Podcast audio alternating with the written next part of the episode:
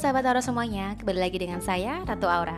Nah, dalam podcast kali ini saya akan berbincang mengenai bagaimana sih caranya menghadapi mertua yang cerewet dan terlalu mengatur karena sekarang ini kan banyak sekali ya masalah dalam rumah tangga yang disebabkan ikut campur mertua. Nah, sepertinya asik nih untuk saya bahas dalam podcast kali ini. Bagaimana sih caranya menghadapi mertua yang cerewet dan suka mengatur? Dan seperti biasanya, saya tidak sendiri. Saya selalu ditemani oleh Mbak Ani Anada yang akan membantu saya membacakan beberapa pertanyaan seputar tema yang akan kita bahas kali ini. Halo Mbak Ani, apa kabar hari ini? Tentu saja baik-baik ya Ibu Ratu. Sangat sehat Alhamdulillah. Alhamdulillah. Sudah siap nih Mbak Ani untuk bantu saya podcast hari ini?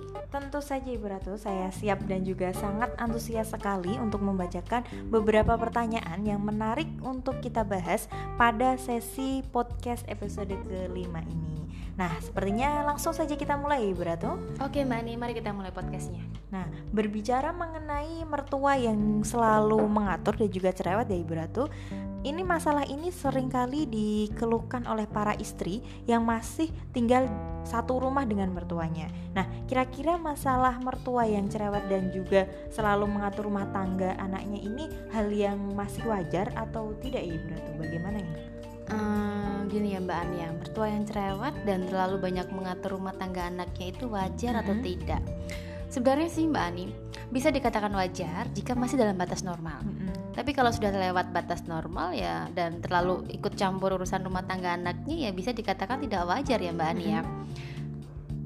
Yang dikategorikan masih dalam batas normal dan juga tidak normal ini yang bagaimana ya Ibu Ratu ini Mas? Bisa dijelaskan nggak? Oke oke. Uh, gini ya Mbak Ania, yang dikatakan wajar itu ya jika menantunya itu bermalas-malasan di rumah, mm-hmm. bangunnya kesiangan, tidak mau bantu bersih-bersih rumah, tidak mau masak, tidak mau melayani suami dengan baik, yeah. dan biasanya hanya bangun, tidur, makan, main HP, nonton TV. Nah itu kan dikatakan wajar ya Mbak Ania. Wajar kalau mertuanya cerewet. Nah hmm. gitu Mbak Ania. Nah sekarang Mbak Ania sendiri bayangkan nih jika Mbak Ani punya menantu yang seperti itu bangunnya siang padahal Aduh. udah tahu anaknya atau suaminya itu kerja pagi tapi menantunya itu malah bangunnya siang-siang nggak mau masakin mena mm -hmm. uh, masakin suaminya nggak mm -hmm. mau menyiapkan kebutuhan suami sebelum berangkat jadi seolah-olah kan suaminya itu tidak dirumat ya mm, yeah. atau tidak dilayani dengan uh -uh. baiknya nah kira-kira kalau Mbak Ani punya menantu seperti itu, apa yang akan Mbak Ani lakukan? Tentu saja memberitahu mungkin ya, bukan cerewet tapi memberitahu, mengingatkan ya, agar dia itu bisa jadi istri yang baik untuk suaminya. Nah, itu benar Mbak Ani. Sebagai mertua yang baik kan kita harus memberitahu dan memberi saran yang baik untuk menantu kita ya Mbak Ani, agar mereka mm -hmm. tuh bisa menjadi istri yang baik untuk suaminya. Yeah. Karena dengan begitu kan rumah tangga mereka pun akan lebih harmonis nantinya. Tapi ya Mbak Ani ya, Terkadang nih, jika kita sebagai mertua ngasih tahu dan memberi saran yang baik kepada menantunya, biasanya menantunya itu beranggapan kalau mertuanya itu cerewet mm-hmm. dan suka ngatur rumah tangganya. Benar-benar. Padahal kan sebagai mertua kan ingin yang terbaik untuk rumah tangga anaknya, tapi malah dibilang cerewet. Iya. Sedangkan yang dikatakan cerewet yang tidak normal itu ya memang mertuanya suka ngatur-ngatur kehidupan anak dan menantunya, Mbak Ani. Mulai dari ngatur keuangan, ngatur kebutuhan anak-anaknya dan lain sebagainya. Pokoknya itu diatur oleh mertuanya. Nah, itu yang dikatakan uh, cerewet mertua yang tidak wajar, Mbak. Oh, jadi tadi ya mengenai masalah mertua yang masih dalam batas normal kecerewetannya dan juga mertua yang tidak sudah kelewat batas begitu ya Ibu Ratu ya. Nah, jika mertua yang suka mengatur rumah tangganya itu dibiarkan begitu saja Ibu Ratu. Nah, apa dampaknya? Apakah bisa membuat menantunya itu tidak betah di rumah atau malah rumah tangganya itu bisa rumah tangga anaknya maksud saya itu jadi berantakan karena ada ikut campur mertuanya tadi itu berarti. Ya, semuanya itu mbak ini bener sih. Ya menantunya nggak bakal betah di rumah rumah tangga anaknya juga berantakan. Tentu saja kan jika masalah tersebut dibiarkan mertuanya selalu cerewet mm -hmm. dan ikut campur maka keharmonisan rumah tangga anaknya menjadi terganggu lah mbak mm -hmm.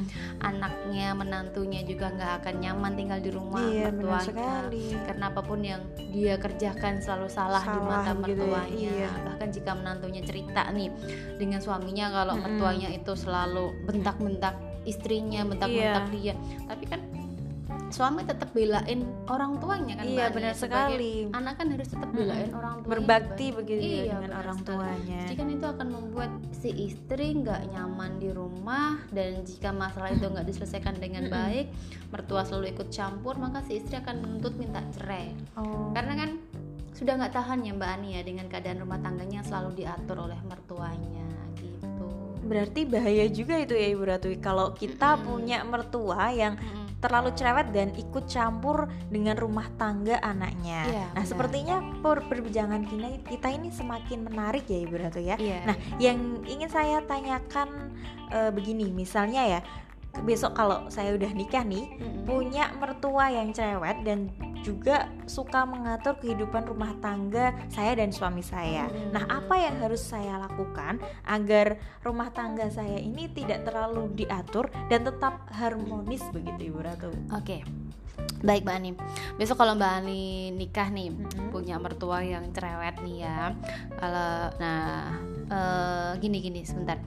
Mbak Ani kan punya ibu ya, punya Mm-mm. orang tua. Mm-mm. Tentunya cerewet gak sih sama Mbak Ani? Eh, lumayan. Nah, sering ngasih saran kan Mbak Ani, eh, ke. Mbak Ani Iya. biar Mbak Ani tuh jadi anak Jadi yang lebih baik gitu Nah, ya Ibu Ratu. sama dengan orang tua suaminya Mbak Ani. Mm-mm, mertua Kalau gitu. cerewet ya mertuanya Mbak Ani kelak lah. Iya sama jadi orang tuanya Mbak Ani ya. Mm-mm, ya. Ya kalau cerewet dengerin aja.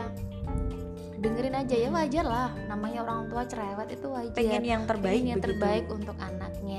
Mm. Selalu berpikirlah positif seperti itu Mbak Ani. Iya. Karena orang tua cerewet itu pasti ada sebabnya. Mm-mm. Yang penting di sini apa pun yang dikatakan mertua jangan pernah membantahnya. Mm-mm. Dengarkan saja, jadilah pendengar setia dan cukup menjawab iya, iya dan iya. Tidak perlu nambah tidak.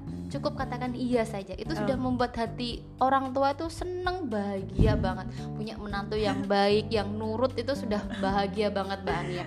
Karena jika dibantah kalau Mbak Ani bilang tidak gini gini nah itu akan membuat Tambah mertua ya. semakin jengkel loh Mbak Iya, Ani iya. loh Iya, benar dan semakin membenci Mbak Ani nantinya karena Mbak Ani tuh nggak mau mendengarkan kata-kata mertuanya Mbak Ani. Jadi yang pertama itu tadi ya Mbak Ani Cukup jangan didengarkan membantah, gitu. jangan membantah apa pun yang mertua Mbak Ani katakan. Cukup Oh. dengarkan saja meskipun hati tidak menyetujuinya. Oh, jadi kita tetap mendengarkannya meskipun hati kita ini dongkol begitu Ibu Ratu ya. Mm-mm, benar sekali Mbak Ani dongkol sudah pasti Mm-mm. kalau tiap hari diomongin terus tetap aja sakit hati ya Mbak Ani ya.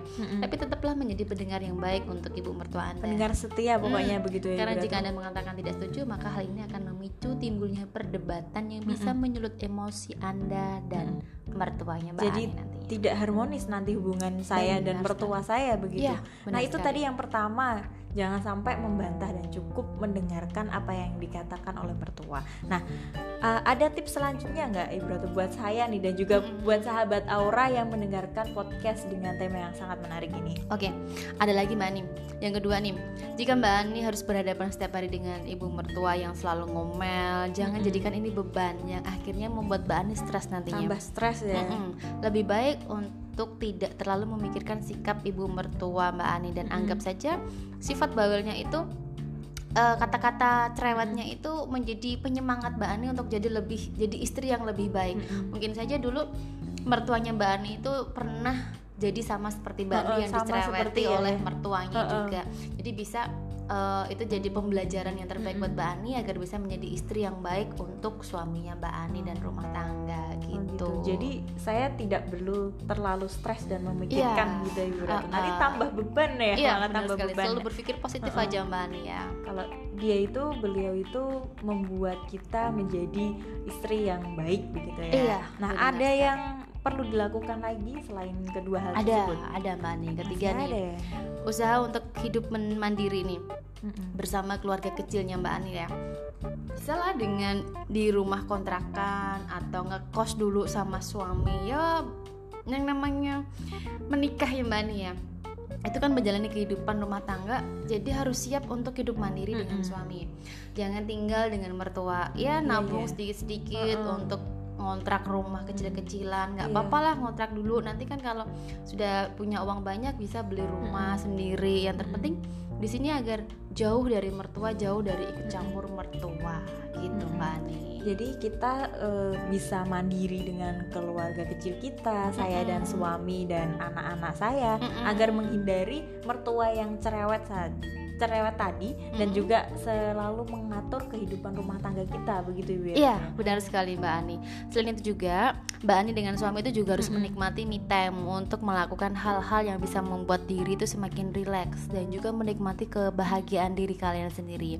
Lupakan sejenak semua masalah yang ada di saat kalian itu ada waktu intim berdua, sang istri eh, Mbak Ani juga bisa berbagi tentang masalahnya Mbak. Ani bersama ibu mertuanya, namun harus disampaikan dengan cara yang benar agar tidak membuat suami dan ibunya menjadi rusak atau malah bisa membuat suami Mm-mm. marah kepada istri, kepada Mbak Ani nantinya Mm-mm. jika cara penyampaiannya itu salah. Oh, jadi gitu. mesti dibicarakan dengan suami saya begitu ya Ibu Iya. Ratu agar tidak ada salah paham antara ibu dan juga anaknya Iya. begitu ya. Benar sekali. Dan yang keempat nih yang Mbak Ani yang Mm-mm. paling penting. Mbak Ani tuh juga harus memiliki aura cinta yang kuat dalam rumah Mm-mm. tangganya Mbak Ani agar rumah tangga Mbak Ani nanti semakin harmonis dan tetap Mm-mm. saling ada kepercayaan dalam rumah tangga. Nah, mungkin itu saja sih Mbak Ani yang bisa saya sampaikan untuk Mm-mm. para istri yang memiliki masalah yang galau nih menghadapi mertua yang cerewet dan suka Iya. mengatur kehidupan rumah tangganya. Nah, terima kasih banyak Ibu Ratu untuk pembahasan kita yang sangat menarik ini. Nah, buat sahabat Aura yang kalian masih bingung bagaimana cara menghadapi mertua yang cerewet dan senang sekali menyampuri kehidupan rumah tangga kalian, kalian bisa melakukan beberapa tips dari Ratu Aura yang telah disebutkan tadi. Nah, jika kalian masih belum paham, kalian bisa putar podcast ini berulang-ulang. Nah, buat kalian yang masih juga belum mendapatkan solusi, kalian bisa konsultasi bersama Ratu Aura secara langsung. Kalian bisa menghubungi kontak Ratu Aura dan mengenai informasi kontak Ratu Aura, kalian bisa kunjungi situs resminya yang ada di www.ratuaura.com. Akhir kata, saya Ani Anada dan Saya Ratu Aura mengucapkan terima kasih dan sampai jumpa pada episode podcast selanjutnya.